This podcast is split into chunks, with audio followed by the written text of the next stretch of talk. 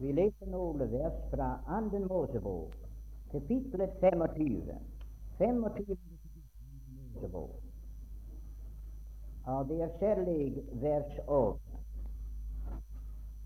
Og de skal gjøre meg en helligdom, og jeg vil bo midt iblant dem. Og så det siste vers i det samme kapittel, vers 40. Og se til at du gjør alt efter det bildet derav som er vist deg på bjerget.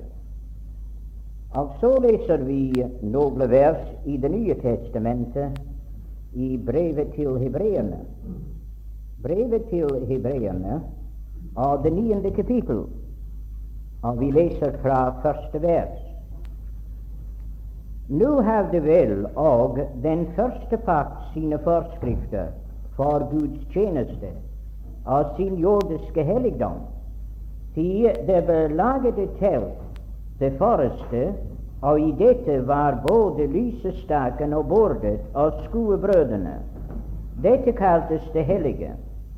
Og bak det andre forheng var det telt som kalles det aller helligste som hadde et røkofferalter av gull, og paktens ark som var kledd rundt om med gull.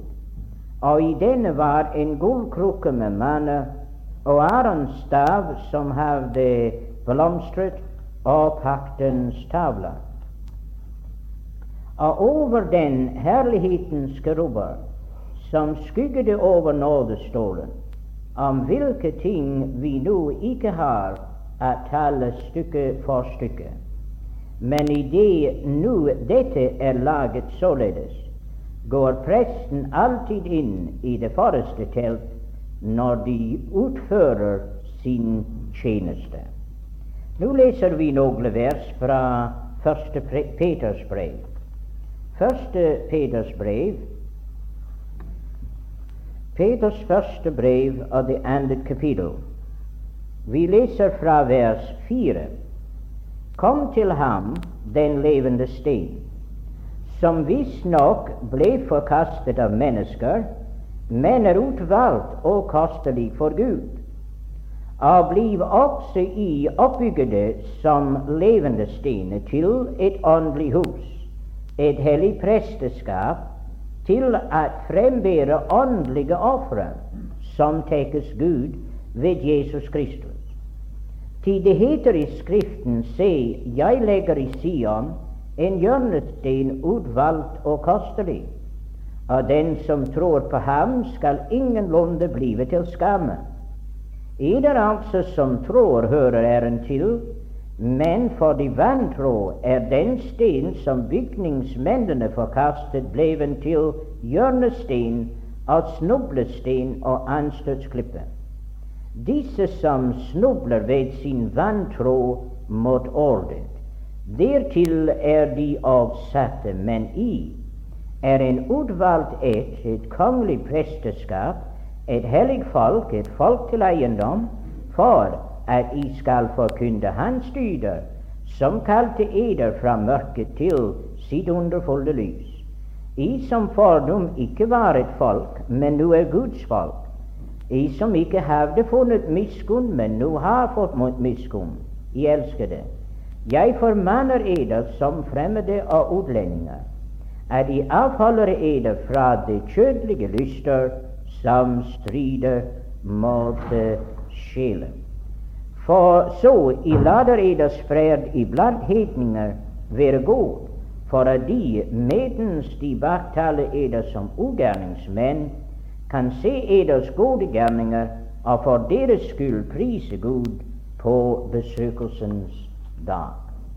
Nå må Herren rikelig velsigne for oss sitt dyrebare ord. Vi hadde foran oss siste aften den store kjensgjerning at Israel fikk lov til at møte Gud her ved Sinais bjerg. Og vi så at dette var meget viktig, fordi Herren hadde ikke alene ført dem ut av Egyptens land for at de skulle være fri, at de skulle være forløst gjennom hans blod, at de skulle erfare hans gode gaver i det at han hadde givet dem brød fra himmelen og vann fra klippen, men han hadde også ført dem ut for at han skulle ha et møte med dem. Han hadde sagt, la mitt folk gå, at de skal tjene meg. La mitt folk gå, at de skal ofre til meg. La mitt folk gå, at de skal holde en høytid for meg. Og vi så at Guds store ønske var egentlig at møte med dette folk, at have et møte med dem, og at han således kunne have samfunn med dem. Og det er en veldig viktig sannhet for oss alle sammen å forstå. At Herren han har ikke bare frelst oss for at vi skulle blive frihet fra syndens smerte og syndens trelldom, men han har frihet oss for å bringe oss inn i sitt evige rike, ikke bare for at vi skal være der, men for at vi skal være hos ham. Det er egentlig dette han har i sitt hjerte, at han kan aldeles ikke unnvære oss, ikke mer enn hva vi kan unnvære ham. Herren har en veldig interesse i sitt folk. Han sier, 'Samle mitt folk til meg, dem som har inngått pakt med meg om offer'. Så Herren ville gjerne møte sitt folk, og gjerne samles med sitt folk. Og derfor var det at Israel de fikk lov til å oppnå dette veldige møtet med Gud ved Sinais bjerg. Nå i dette møtet ved Sinais bjerg vi fikk se siste aften at det var forskjellige ting som Herren forklaret for dem der. De fikk lov til å inngå pakt med Gud. Det vil si at Moses bestenket folket og bogen, og folket var da inngått pakt med Gud. Vi så at denne pakt den var jo basert ikke alene på Guds trofasthet, men også på Israels løfter, i det at de sa alt hva du har sagt til oss, vil vi gjøre. Så egentlig de hadde skutt seg inn under loven. Og dette folk var derfor under loven. Og vi gjorde oppmerksom på at det var en stor forskjell på Guds handlemåte med dem da enn før. Før, da de knurret, da ga han dem de gaver som de trengte til. Men nå, etter at loven var kommet, og de knurret, da lot han sin straff falle over dem. Så vi kan godt forstå at det er en stor forskjell mellom å være under loven og under nåden. Men mange av Guds barn ikke forstår dette. Og de er like frem de går og treller under loven den dag i dag. De vet ikke at det er nådens dag. Forstår at like som loven preger den dag, så er det nåden der preger den dag vi lever i. Vi lever i en helt annen tidshusholdning fra Israel. De lever i lovens tidshusholdning vi lever i nådens tidshusholdning. Og derfor er det en husholdning, er en tidsperiode da Gud handler mennesker, eh, med mennesker efter bestemte prinsipper. Om han handlet med dem efter loven, da de var under loven, ja, det er en sak for seg. Men i dag han handler med mennesker i nåden, og derfor må vi forstå dette at her skal ikke blandes loven og nådens evangelium. Ti, mine venner, loven og nådens evangelium kan ikke blandes. Men dessverre, det viser seg at det er et veldig forsøk på det. Og derfor er det at Guds børn kommer ikke i klarhet, og kommer heller ikke i råd av hvile. De føler de må alltid stride, istedenfor å høre Jesus sier det er fullbrakt. Det er gjort. og at holde den herlige sabbat. Så vi visste frem til at innen Herren ba dem om å tjene, han minnet dem om sabbatshvile. Og det er det som i dag alle syndere må vite, at du har ikke noe å gjøre å tjene Gud. Nei, først må du komme til ham og få hvile. Som han sa, kom til meg, alle i som strever og har det tungt, og jeg vil give eder hvile. Men da de er kommet til hvile, da kan de ta mitt ord på eder og lære av meg. Da du er frelst, og da du har fått hvile i din sjel, da du er frigjort, da kan du tjene ham. Du kan tjene ham av ganske hjerte, min venn. Tjene ham som Guds frie sønner, ikke for å bli frelst, men fordi de er frelst. Så det er jo en helt annen måte å betrakte det på. Men således er nådens evangelium. Og derfor er det vi må ikke blande loven og nåden sammen, som så mange gjør. Men det var også en annen ting som vi så, at den tjeneste det tilkom dette folk som var friet av Satans makt og herredømme, og som hadde erfart Guds nåde og Guds gaver, som hadde møtt med Gud. Da var det at Gud ville give dette folk en anledning til å tjene ham. Så min venn, forstå dette, at Herren har en tjeneste for oss alle sammen å gjøre. Og derfor er det at de var kommet til noe ganske nytt her ved Sinais bjerg. Han åpenbaret for dem sannheten om tabernaklet nå, dette bildet som vi har her, er altfor lille at I kan se det, men jeg antager at de fleste har jo sett et bilde av tabernaklet før. Men han kom, og han ville give dem den instrukser angående tabernaklet i ørkenen. Du sier hvorfor tabernaklet? Hva skal dette være for noe? Hvorfor skulle vi tale om den? Det er meget viktig, min venn, å tale om tabernaklet. Det synes meg at om de ti bud fremstiller loven, så er det tabernaklet fremstiller nåde. Og det er dette som Herren ville lade disse endog vite i den gamle tidshusholdning, at hvis et menneske skal blive forenet med Gud og glad i ham, det må være av nåde. For endog under lovens tidshusholdning jeg har ennå ikke funnet at noen ble frelst ved loven. Nei, en gang i Det gamle testamentet det ble alle sammen frelst av nåde. Du tar f.eks. Abraham, og Herren forteller oss at Abraham ble frelst ved tro. Ja, nettopp så. Og du tar David til eksempel, og han også fikk lov å bli frelst av tro. Han ble rettferdiggjort av tro alene. Så du ser at endog i Det gamle testamentet mennesker ble ikke frelst av loven. Nei, mennesker ble frelst av Guds store nåde.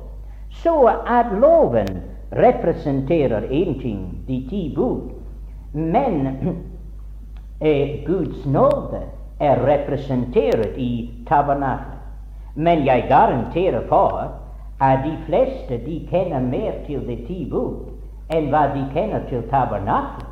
Ja, det er jo ganske sikkert at de fleste har mer opplysning om de ti bud enn de har om tabernaklet. Men er det ikke merkverdig at loven, man kunne si, den er opptatt med kanskje en fem kapitler, men tabernaklet det er beskrevet i en 50 kapitler. Så du kan forstå om Herren tok så meget tid at skrive om tabernaklet, så meget mer enn loven, så må tabernaklet være mer viktig enn selve loven. Når Gud skriver om skapelsen, så bruker han kanskje to kapitler. Men når han skriver om tabernaklet, så bruker han minst 50 kapitler. Og ikke alene dette, men om vi kan regne det ut riktig, det ser ut til at syv ganger uh, giver han oss opplysninger om tabernaklet. Han gjentager det og gjentager det for at vi skulle se hvor viktig alt dette var. Nå, jeg kan ikke si annet enn at tabernaklet var Guds nådegave til disse pilegrimene. Det var egentlig en nådegave til disse pilegrimer, fordi at nå kom det et nytt spørsmål, et spørsmål som ikke hadde vært berørt før. Og det er et spørsmål som er så viktig for oss alle sammen. Herren sier, 'La dem gjøre meg et tabernakel, for at jeg kan bo midt iblant dem'. Og sier du, dette er noe nytt. Jeg kunne godt forstå at Gud friet dem ut av Egyptens land. Jeg kunne godt forstå at han forløste dem.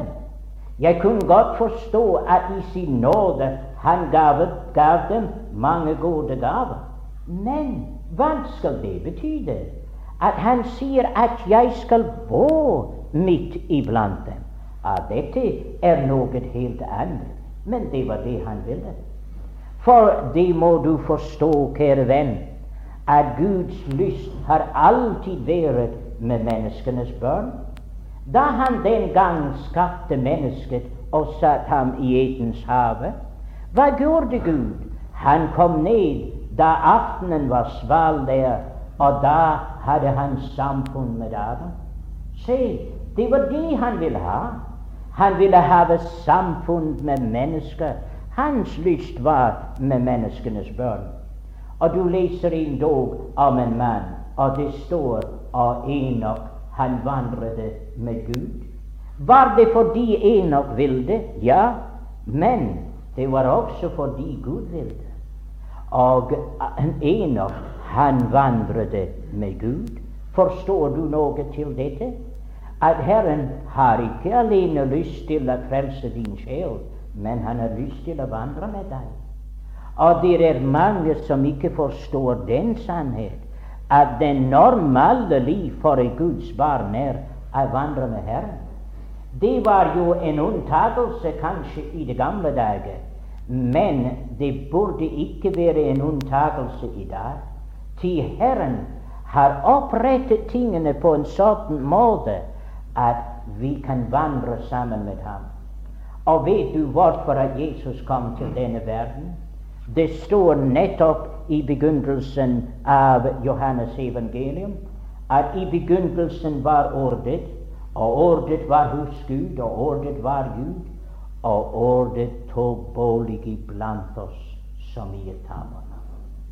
Han tok bolig iblant oss som et tabernakel. Og da kan du se, mine venner, at tabernaklet er ikke bare et bilde, men at tabernaklet er et bilde av den største sannhet som Bibelen inneholder. Det er et bilde på Guds nåde. Hvordan at Gud ville komme ned til oss mennesker.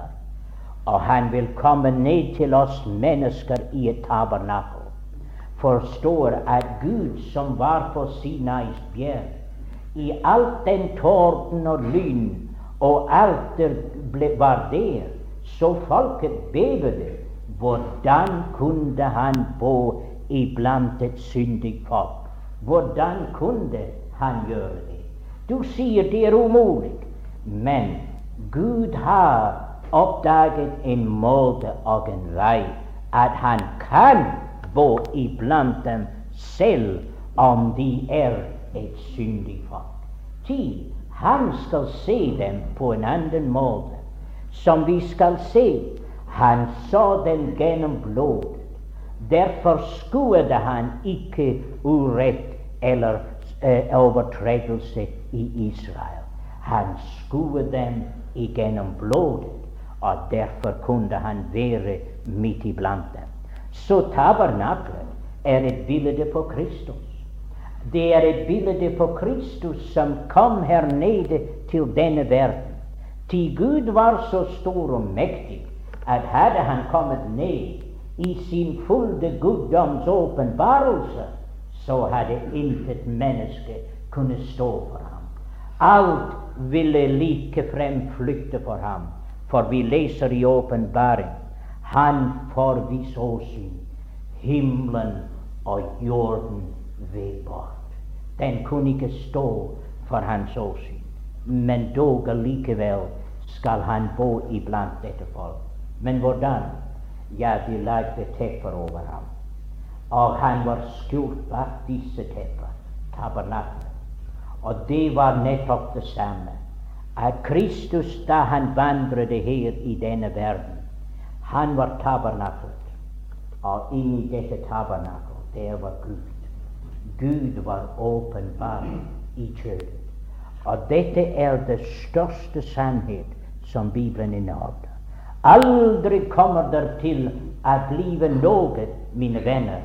Det er på det samme nivå som dette, med unntagelsen av den dag da du og jeg som er mennesker, at vi skal bebo det himmelske området.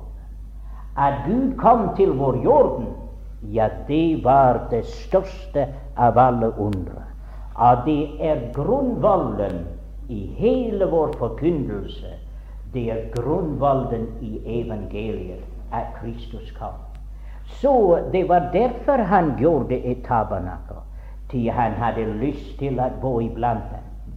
Og du vet at slutten til det hele var dette.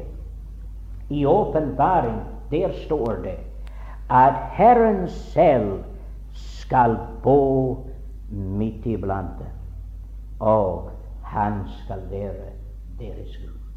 Han skal bo midt iblant dem. Det er høydepunkt for det hele.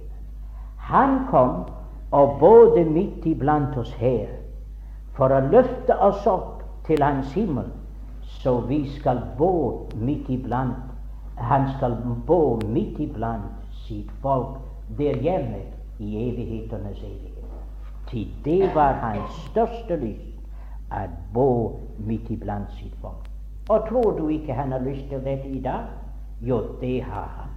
Og derfor står det at vår tråd eller tre er forsamlet i mitt navn, der er jeg midt iblant dem. Jeg er. Der er jeg midt iblant dem. Og Gud har sitt tabernakel den dag i dag midt iblant sitt folk. Så, mine kjære venner, la oss tenke over dette. At det i forbindelse med tabernaklet det fremstiller for oss den største sannhet som Bibelen inneholder. Det var Guds nådegave til Israel i det at han ville derigjennom vise sin store nåde. Nå la oss tenke på tabernaklet. Tabernaklet var en guddommelig tanke. Det var noe som opprant i Guds hjerte. Det var jo ikke noe som mennesket hadde gjort. Nei, det var en guddommelig tanke.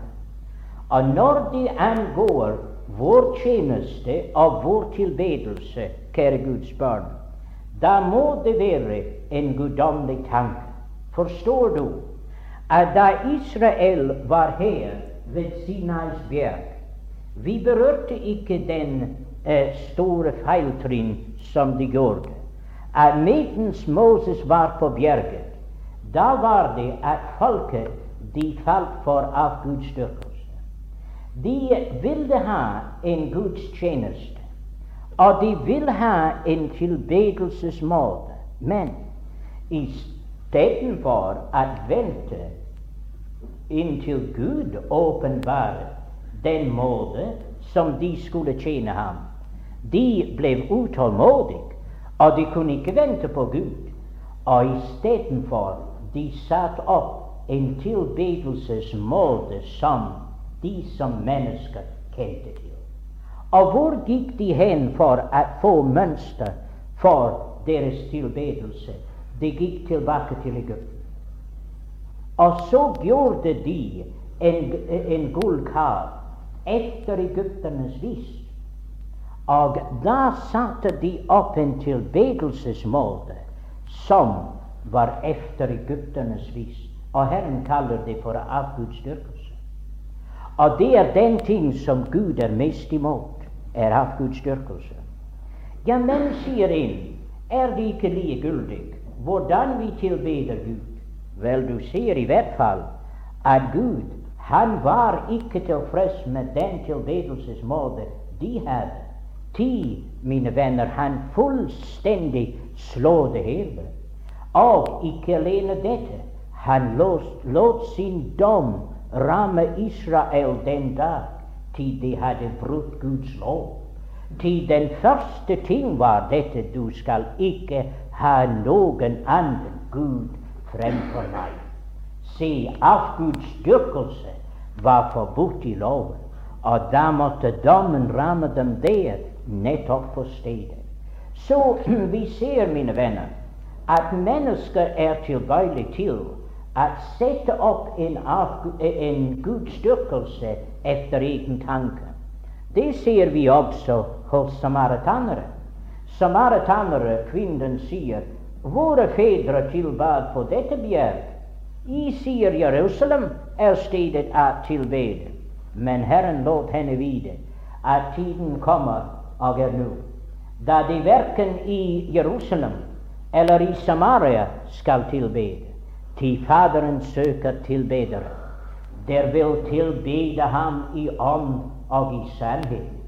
Og kjære Guds barn, det er ikke så meget stedet det kommer an på, men det er selve tilbedere, og hvem vi tilbeder, og om vi tilbeder i ånd og i sannhet. Ja, her, mine venner, var det ikke noe jordisk sted.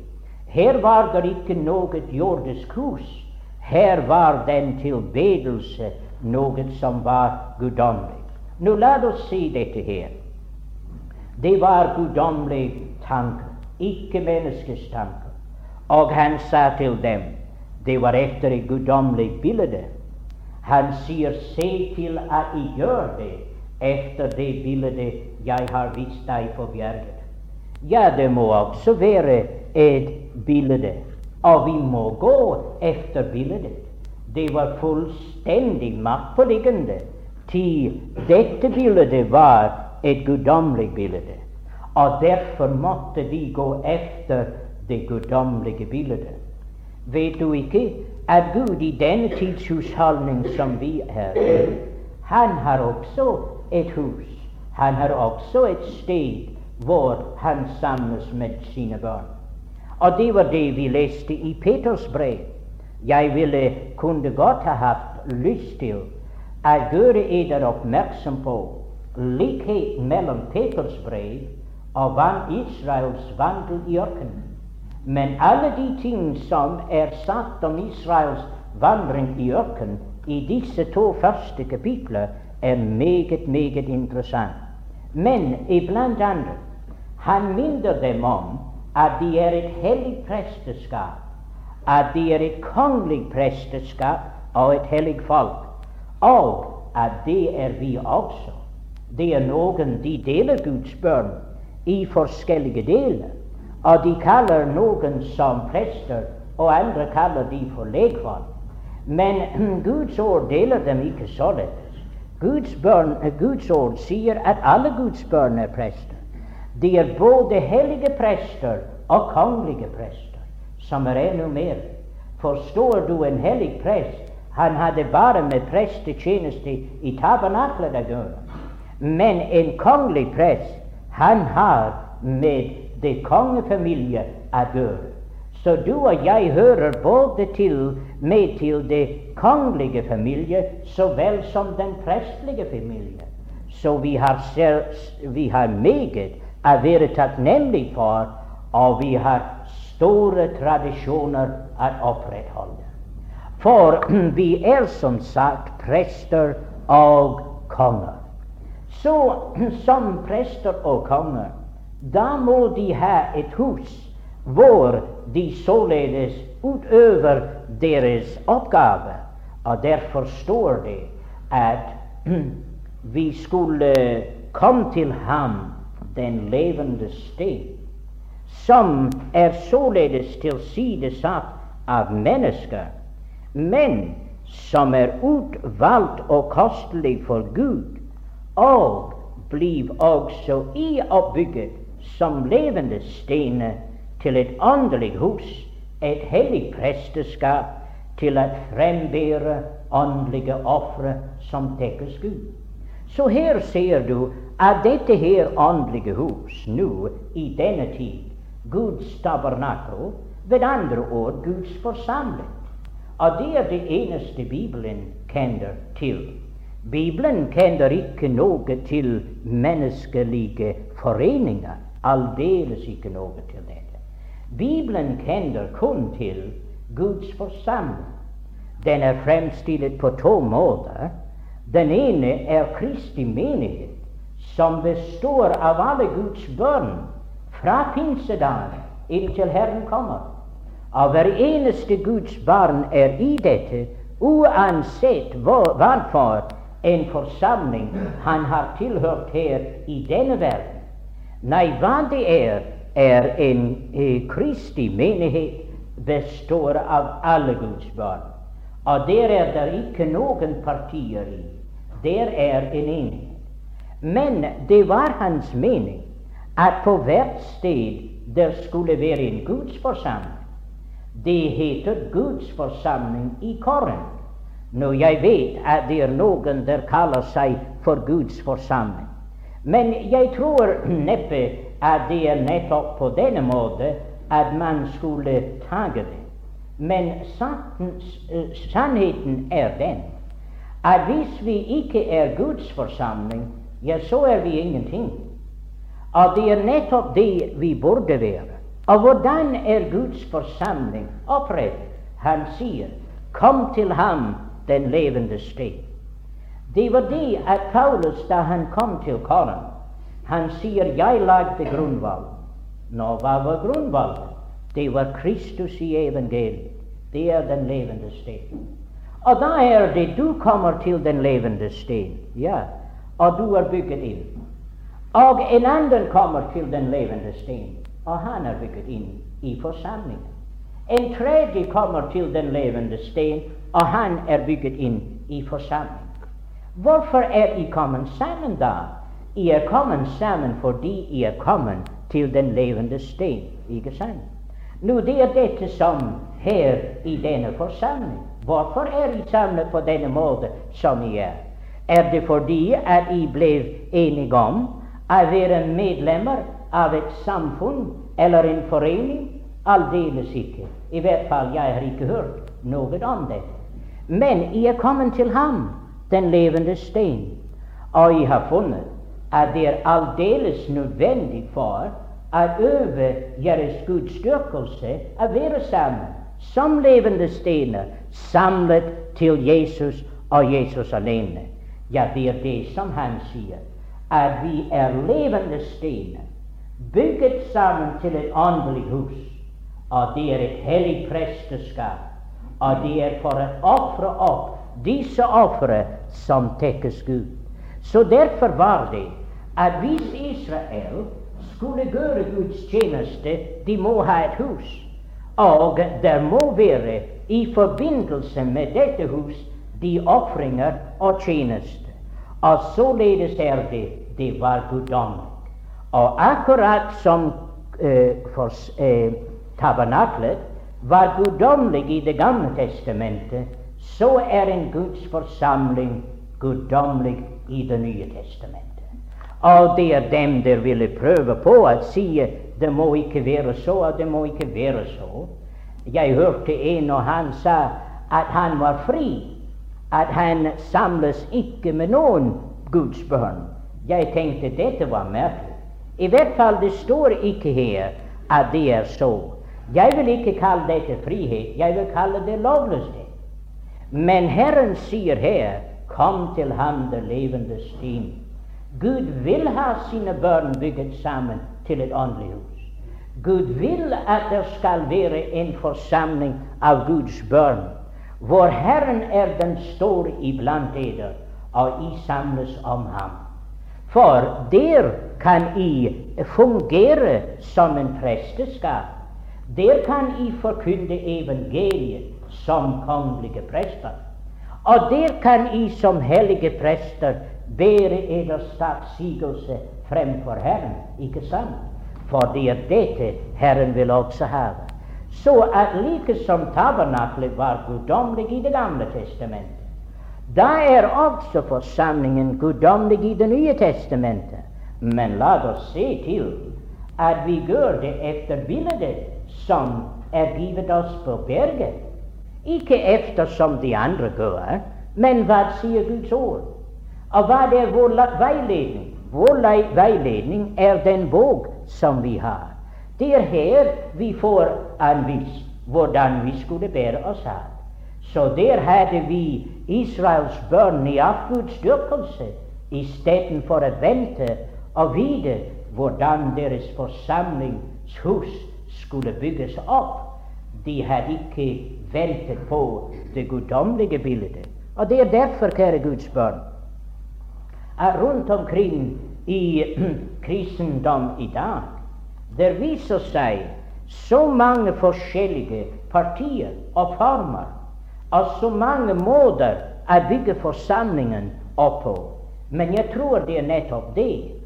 Det er mennesker går etter sine egne tanker istedenfor å la Guds ord være det avgjørende hvordan Guds forsamling skal bygges. Peter sier at vi skulle komme til ham, den levende sten, og vi skulle lade oss bygget opp til et åndelig hus og til et hellig presteskap. Nå, det er ikke de bretter som gjør forsamling. Det er ikke huset. Men det er et åndelig hus. Det er bygget av de medlemmer av forsamlingen. De som er lemmer i Kristi legeme, og derfor har trang til å være samlet om Herren selv. Så det var dette. Gjør det efter det bildet som han har vist deg på bjerget. Det var det Herren ville ha dem sammen. Nå, da de var jo sammen, han vil lade dem tjene ham. Og da sier til han til dem når I bringer noe i forsamling, så skal det være guddommelig materiell. Det var jo ikke så at de fikk bringe hva som helst til tabernakelet. Nei, han sier det skal være gull og sølv og kostbare stener. Det skal være skarlagen, ull, og den skal uh, være de forskjellige ting. Fort på rød ull og disse ting som de skulle bære frem. Han sa hva de skulle bringe, og han sa hva tabernaklet skulle bli gjort av. Hver eneste ting. Og således er det endog den dag. I dag det er det som er omtalt i Korinterbrevet. Om noen bygger med gull, sølv og kostbare stener, men om noen bygger med hø og strå og halm, ja, det er jo noe helt annet. Forstår? Og det er det å bygge inn i forsamlingen. For det han skriver til menigheten i Korint at det var noen der bygget, og de var dårlige byggere. For de vil bygge De trodde det galt om kvalitet, kvantitet, men Herren sa det var kvalitet. Og det er dette vi må være klar over, at en Guds forsamling de skulle bestå av kvalitetsvarer, det vil si mennesker som er virkelig født på ny, som har det guddommelige liv og de guddommelige dyr. Så de skulle gjøre det efter bildet som var vist dem på bjerget. Men de skulle få lov til å tjene, ja. Og hvordan ble det så? Ja, dem der arbeidet, Herren gav dem sin ånd. Og det er en merkelig ting at gjøre dette tabernakel, da må de være fylt med ånden. De kunne ikke lage dette tabernaklet selv om de hadde bildet og alt, og ikke var fylt med ånden. Så Herren han fylte dem med ånden for å bygge dette tabernaklet. Og de menn som gjorde arbeidet der, var menn fylt med ånden. Og det er jo klart, kjære Guds barn, at hvis vi skal være til gavn i en Guds forsamling, så må vi være fylt med ånden. Det nytter ikke noe om å tale det på andre måter. Men det er det. Det kan være forskjell mellom menneskers mening om å være fylt med ånden. Men det er dette. Jeg tror at den der lever sitt liv i samfunn med Herren, og er fylt med Guds ord, han er jo også fylt med ånden. Når Herren har sin vei i vårt liv, det kommer ikke an på hvor meget vi skriker, og hvor høyt vi skriker, at vi er fylt med ånden. Nei, jeg har hørt dem skrike høyt, og jeg var ganske klar at de var fullstendig blottet for alt der heter Åndens fylde. Men jeg har hørt Herren tale i den stille, sakte susen. Ja, der var Ånden med. Så kjære Guds barn, la oss ta oss i vare for dette og forstå at det er forskjell imellom disse ting. Men vi må ha Åndens fylde til å bygge efter det bildet som er vist oss på bjerget. Nå la oss se hvordan det gikk. Han lot dem ta, deltage i denne tjeneste, og det er herlig å lese om det. Og øyeblikkelig Moses forteller dem hva skulle til for forsamlingen for å bygge tabernaklet. Kan du tenke deg at de folk de brakte Ja, de brakte inntil han måtte si til dem hold opp, hold opp. Så jeg synes det er en veldig forskjell mellom den måte som de måtte tigge for alt det skal til Herrens arbeid i dag. Jeg føler i hvert fall at det er en skam for oss som Guds barn å være opptatt i alt dette der. Nei, det viser seg når Guds bønn og Guds forsamling er i den rette ånd, det behøves ikke alt dette der. Det blir mer enn nok. Og da måtte Moses si hold opp, for de bringer for meget. Og således er det den dag i dag, mine venner. For Guds børn er ikke annerledes i dag enn de var da. Når Herren rører deres hjerter, det blir aldri for litt, det er alltid for meget. Så la oss forstå dette, at her er det en veldig nåde som Herren betror dette folk. Forløst fra Egyptens land, nå skulle de tjene Herren med hva de hadde. Og den ene brakte den ene ting, den andre brakte den andre ting. Og da ble Guds børn glade og Guds arbeid gikk frem.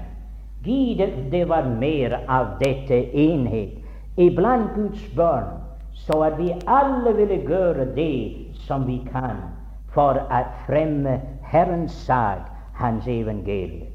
Du kan bede, kjære broder, så gjør du det. Du kan give et lille formaningsord, så gjør du det. Og hver en kan lære i søndagsskolen, så gjør du det. En annen de kan besøke de syke, så gjør du det. Men hver har sin lille tjeneste for Herren, og gjør det i Herrens navn. Og det skal ikke mangle noe i Guds forsamling. Men vi finner at dette har en stor betydning. Som jeg sa, det var et bilde av Guds nåde. Tiden tillater meg ikke å gå nøye inn i bildet, men jeg har ofte betraktet tabernaklet med et bilde av Johannes evangelium foran meg. Og jeg tror det viser oss at Gud kunne ikke bo iblant dette folk kun i Kristus, mine venner. For tabernaklet taler om Kristus. Og Gud kunne ikke bo iblant oss i kraft av hva vi er i oss selv. Han kunne kun bo iblant oss i kraft av hva Kristus er. Og inntil dette griper våre hjerter, så forstår vi ikke Hans sannhet. Men tabernaklet forteller oss dette, at Gud ville bo iblant dette folk, men kun i kraft av all den nåde og all den frelse og all den forløsning som, og all den hellighet og herlighet som er i Jesus Kristus. Nå, Gud kan kun bo i en Guds forsamling nettopp av samme grunn, fordi at der er Herren den største. Vi vet at da Gud begynte å beskrive tabernaklet, han begynte innvendig, dvs. Si ved nådestolen. Men da du og jeg begynner, så begynner vi utefra. Men det er enestående å se at den første ting som Gud gjorde like frem, var å sette nådestolen på plass og loven innenfor nådestolen. Tid hadde loven vært eh, åpenbar, så kunne den ikke være iblant Israel. Men han skjulte det i arken. Og som vi hørte siste aften, arken var gjort av akasjetre, og det var belagt med Gud, som taler om Kristus som menneske og Kristus som Guds sønn. Men nådestolen var bestenket med blod. Det taler til oss om Kristi fullbrakte verk på Golgata. Og det var der, mine venner, på Golgata, at loven ble opprettholdt. Og der alene. Det er ingen andre der har prestert det siden. Om du, min venn, har innbilt deg at du har gjort det, du tar veldig feil. Til den mann som elsket Gud av hele sitt hjerte, sjel og sinn, han gikk til Golgata i lydighet mot sin Fader. Og den mann som elsket sin neste som seg selv, han gav sitt dyrebare blod på Golgata. Så du må forstå dette, at Kristus er den eneste. Der opprettholdt lovens krav. Og vi vet også dette. Han betalte det for deg og meg. For i Kolossenserbrevet der står det at han utslettet skyldbrevet der var oss imot som var skrevet med bud. Husk på som var skrevet med bud. Og hva er dette? Det er lovens krav, min venn. Og lovens krav som du og jeg ikke kunne oppfylle, det oppfylte Kristus for deg og meg på Golgata. Og lovens krav er oppfylt i Kristus på Golgata og hva han gjorde for deg og for meg. Så vi gleder oss over dette, at der er mitt bevisst for at min gjeld til loven er betalt, til Kristus har gjort det. Så da ser vi at vi ellers møter først dette her hvite linnet som er rundt om tabernaklet, som forteller oss at Gud er hellig og ren. Men den store ting i tabernaklet er dette. Det var en dør og denne dør i tabernaklet, den var jo bestått av disse herlige farger, med unntagelse av kerubarbeidet. Det var ikke ved dør. Men hva mindre det altså? At det er en vei inn til Gud, min venn. Jesus sier 'Jeg er død'. Ingen kommer til Faderen uten ved meg. Og hvis du er her i aften, så skulle vi fortelle deg dette at tabernakel lader oss vite at Gud i sin store nåde han er å finne. Han er å finne. Det er en veien til Gud, min venn. Du har kanskje søkt for den vei, men den er der. Jesus sier 'Jeg er der', Og noen går inn gjennom meg.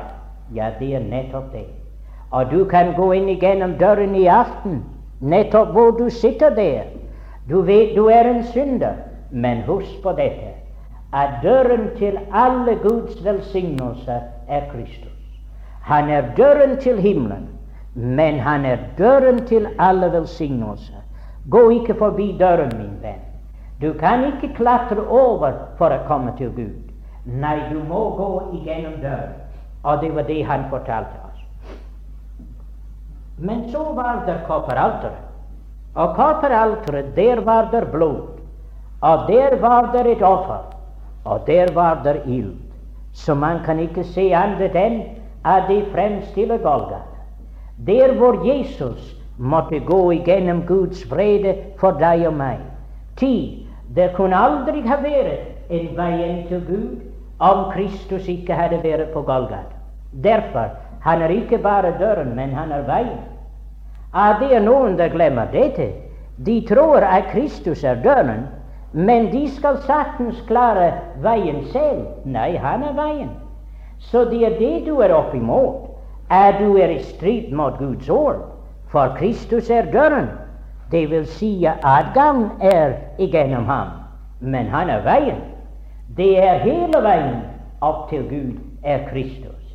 Og du kan ikke ha noe av ditt eget innimellom. Så da finner vi at den synder han lærer dette, at ved Golgatas kors at alle hans synder er sonet, og at han er frelst av Guds store nåde. Jeg er veien. Men da kommer vi til det neste gjenstand, som heter kopperbekkenet. Og kopperbekkenet, det var gjort av kopper. Det var gjort av de speilene som kvinnene hadde. Og jeg antager den var blank, så at man kunne se hvordan man så ut. Men ikke alene det. Det var det, så at de kunne rense deres hender og føtter. Og der ved kopperbekkene var det at prestene vasket deres hender og deres føtter. Hva vil dette tale om? Det vil tale til oss om dette at de som hører Herren til, hva deres synder angår, det er jo alt sammen ordnet der ved kopperalteret. Men du og jeg som Guds barn, vi eh, pådrager oss urenhet gjennom vår vandel her i denne verden, og endog i det helligste tjeneste. Det viser seg der mangler ikke eh, det, det er som mangler. Så at prestene de måtte gå og rense hendene og føtter innen de kunne gå inn til Gud eller innen de kunne gjøre tjeneste ved alteret der. Og det er en veldig sannhet, dette, for oss som Guds barn. Det er noen der sier om du og jeg pådrager oss snaus i vår ørkenvandring, så sier vi vi skal gå tilbake til kopperalteret. Det står ikke der, min venn. Jesus sa til sine disipler da han hadde vasket dem, han sier, den som er badet han behøver ikke annet enn å vaske sine føtter og gjøre ren over det hele. Nå, Det er jo velment sikkert da de sier til mennesker Kom igjen til Golgatas bad. Men min venn, du kommer til Golgatas bad en gang for alle. Men hver dag må du komme til kopperbekkenet. Det vil si at du kommer der som et Guds barn for å rense dine føtter og dine hender. Så det er hva Guds ord forteller oss. Og husk på det, vi må gjøre det. Og Guds ord er det som eh, brukes nettopp i denne forbindelse. For Guds ord later deg se dine feiler. I hvert fall når jeg leser den bok, den dømmer meg. Men det er ikke alene at den dømmer meg men det viser meg hvordan jeg kan bli av med det. Og dette er det herlige, at det er varmt nok i kobbervekkene for å rense oss. Så vi må forstå forskjellen mellom disse ting. Men som en Herrens tjener, du må ofte komme til kobbervekkene for å være ren. Ti, for å tjene Herren, du må ha rene hender. Enten det er i evangeliet ved alteret, eller i de helligere øvelser innenfor forhenget, eller inn i helligdommen. Du må ha rene hender av føtter. Men da vi kommer Og derfor er det at den sier 'jeg er sannhet'. Men da vi kommer innenfor tabernaklet, da finner vi gjenstander. Der var skuebordsbrød, eh, skuebrødsbordet. Og der de taler om samfunn. Å, tenk, mine venner, at det er ikke alene at du og jeg har adgang til himmelen, men vi har adgang til alle de velsignelser det hører Guds barn til. Og bordet, det var jo kun for prester. Og skuebrødet var jo Guds brød, men det var det som prestene òg. Så at Gud og prestene, de hadde samfunn. Og det er dette som det står over skuebordsbrød. Uh, uh, uh. Jeg er lysens brød. Den som eter meg, skal leve ved meg. Det daglige samfunn med Herren. Men lysestaken var der, og lysestaken sier 'Jeg er verdens lys'. Og hvor velsignet det er da at vandre i Herrens lys. Og så hadde vi den store gylne alter. Og eh, den gylne alter med den store sannheten. Og de taler om hva det de taler om tilbedelse. Det er den store jeg er. Og den hellige øvelse, den største, tror jeg, blant alt som vi som Guds barn får lov til, det er at være tilbedere. Faderen søker tilbedere. Og vet du, vi skal tilbede ham i all evighet. Så det er ikke for tidlig at vi begynner her nede. Nei, vi burde tilbede ham i ånd og i sannhet. Men så hadde vi da eh, forheng. Men I vet at det står forhenget er hans kjøtt. Men for oss er det ikke noe forheng. For jødene var det. Presten kunne bare gå inn en dag om året. Men for oss er den vekk. Hvorfor det? Det var der ved Golgates kors. Da revnet forhenget. Og nå er veien inn til Gud åpen. Og kjære Guds barn, vi kan alle sammen komme inn. Alle sammen kommer inn. Og da vi kommer inn der, hvor er vi? Vi er Guds umiddelbar herlighet. Tenk, nettopp der er nådestolen, og der er keruberne. Og det er en stor ting å se på disse keruber. Fordi keruberne taler til oss om alt som er i Gud, som er imot deg og meg. De keruberne de står for Guds hellighet og Guds rettferdighet. De stod for Edens hage, og da kunne Adam og ingen annen komme inn. Veien var banet. Men jeg er glad for det at da Herren sa til dem å gjøre tabernaklet, da var det ingen krubber ved porten. Nei, det var rød og skallen og det hvit, men det var ikke noen krubber. Og da vi kom til porten en, en dag, da var det heller ikke noen keruber.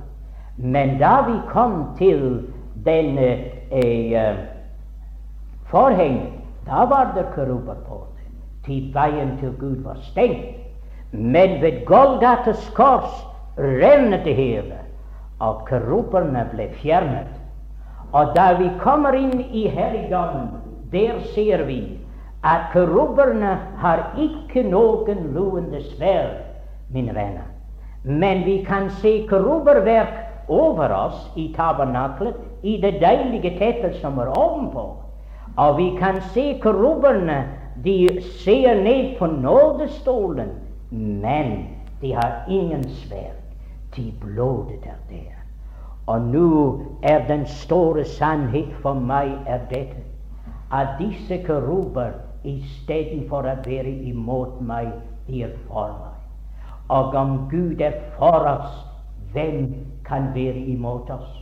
Og det er den store sannhet som jeg har lært, og jeg takker Gud for den dag det gikk opp for meg, at alt som var i Gud, det var imot meg er nå tilfredsstillet, og han er for meg. Så vi ser at vi er under kerubernes beskyttelse istedenfor at krybberne er imot oss. Og det er det som står i denne salme etter 91, om den som bor i den høyeste skjul. Han skal tilbringe natten i den allmektige skygge. Å, kjære Guds barn, kan du ikke se at her en dog ved Sinais bjerg, der var noe som var større enn loven åpenbar. Det var en nåde i Kristus Jesus. Der kunne bringe syndere inn i Guds egen værelse og kunne sette disse syndere inn under den allmektige skygge for å være skjult under Hans evige vinger. Er det ikke herlig å være der? Men for å komme der må du komme inn gjennom døren. Og Jesus sier 'Jeg er døren'. Ingen kommer Den der går inn gjennom meg, han skal blive frelst. Og tenk, min venn, du kan blive brakt like inntil Gud av nåde, uforskyldte nåde. Og så var det at da tabernaklet var ferdig, da fylte Gud hele tabernaklet. Så det var ikke plass for noe menneske. Og det er der heller ikke den dag i dag. Det er kun Kristus der fyller det hele. Men du og jeg får lov å være der fordi vi er i ham, og vi er skjult under den allmektige skygge. Så jeg synes, mine venner, det er herlig å vite dette, at endog da Gud han ga loven, da visste han dem hvordan at loven skulle bli oppfylt i Kristus, og hvordan at i sin store nåde han skulle bringe syndere som deg og meg inn under den allmektige skygge. Så særlig er den sjel som har sitt sted der, og alle Guds pilegrimer kan tilbringe denne mørke natt under den allmektige skygge, ja, da er du trygg, min venn. Det er godt å være der. Mitt liv er skjult i Kristus, i Gud, under den allmektige skygge. Så vi har jo grunn til å love og prise Hans navn. Så skulle det være en sjel som ikke er der ennå å, jeg ville at du skulle komme i aften og gå inn igjennom døren som er Kristus. Finne forløsning og rensning i Hans blod. Finne adgang til Gud og være under den allmektige skygge.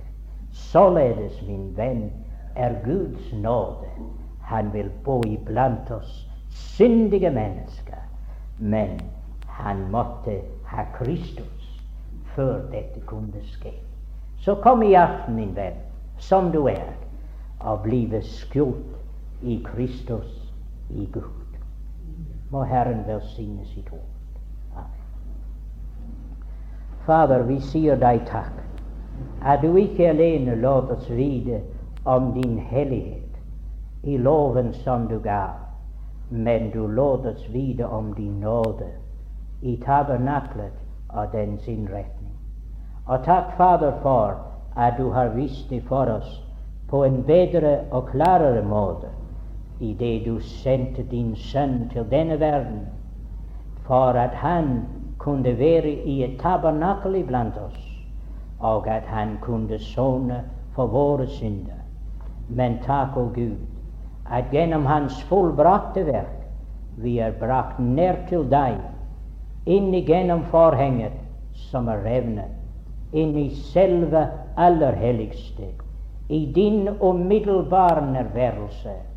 Ja, Fader, like frem under kerubernes beskyttelse. Å, lovet være ditt navn. Vi skal tilbede deg i all evighet, for så store nåde mot fattige syndere som vi. Så Herre, velsign ditt ord. La det være til oppmuntring for oss som dine barn. La det være til frelse for en sjel. Hør du vår bønn i vår Herres Jesu navn. Amen.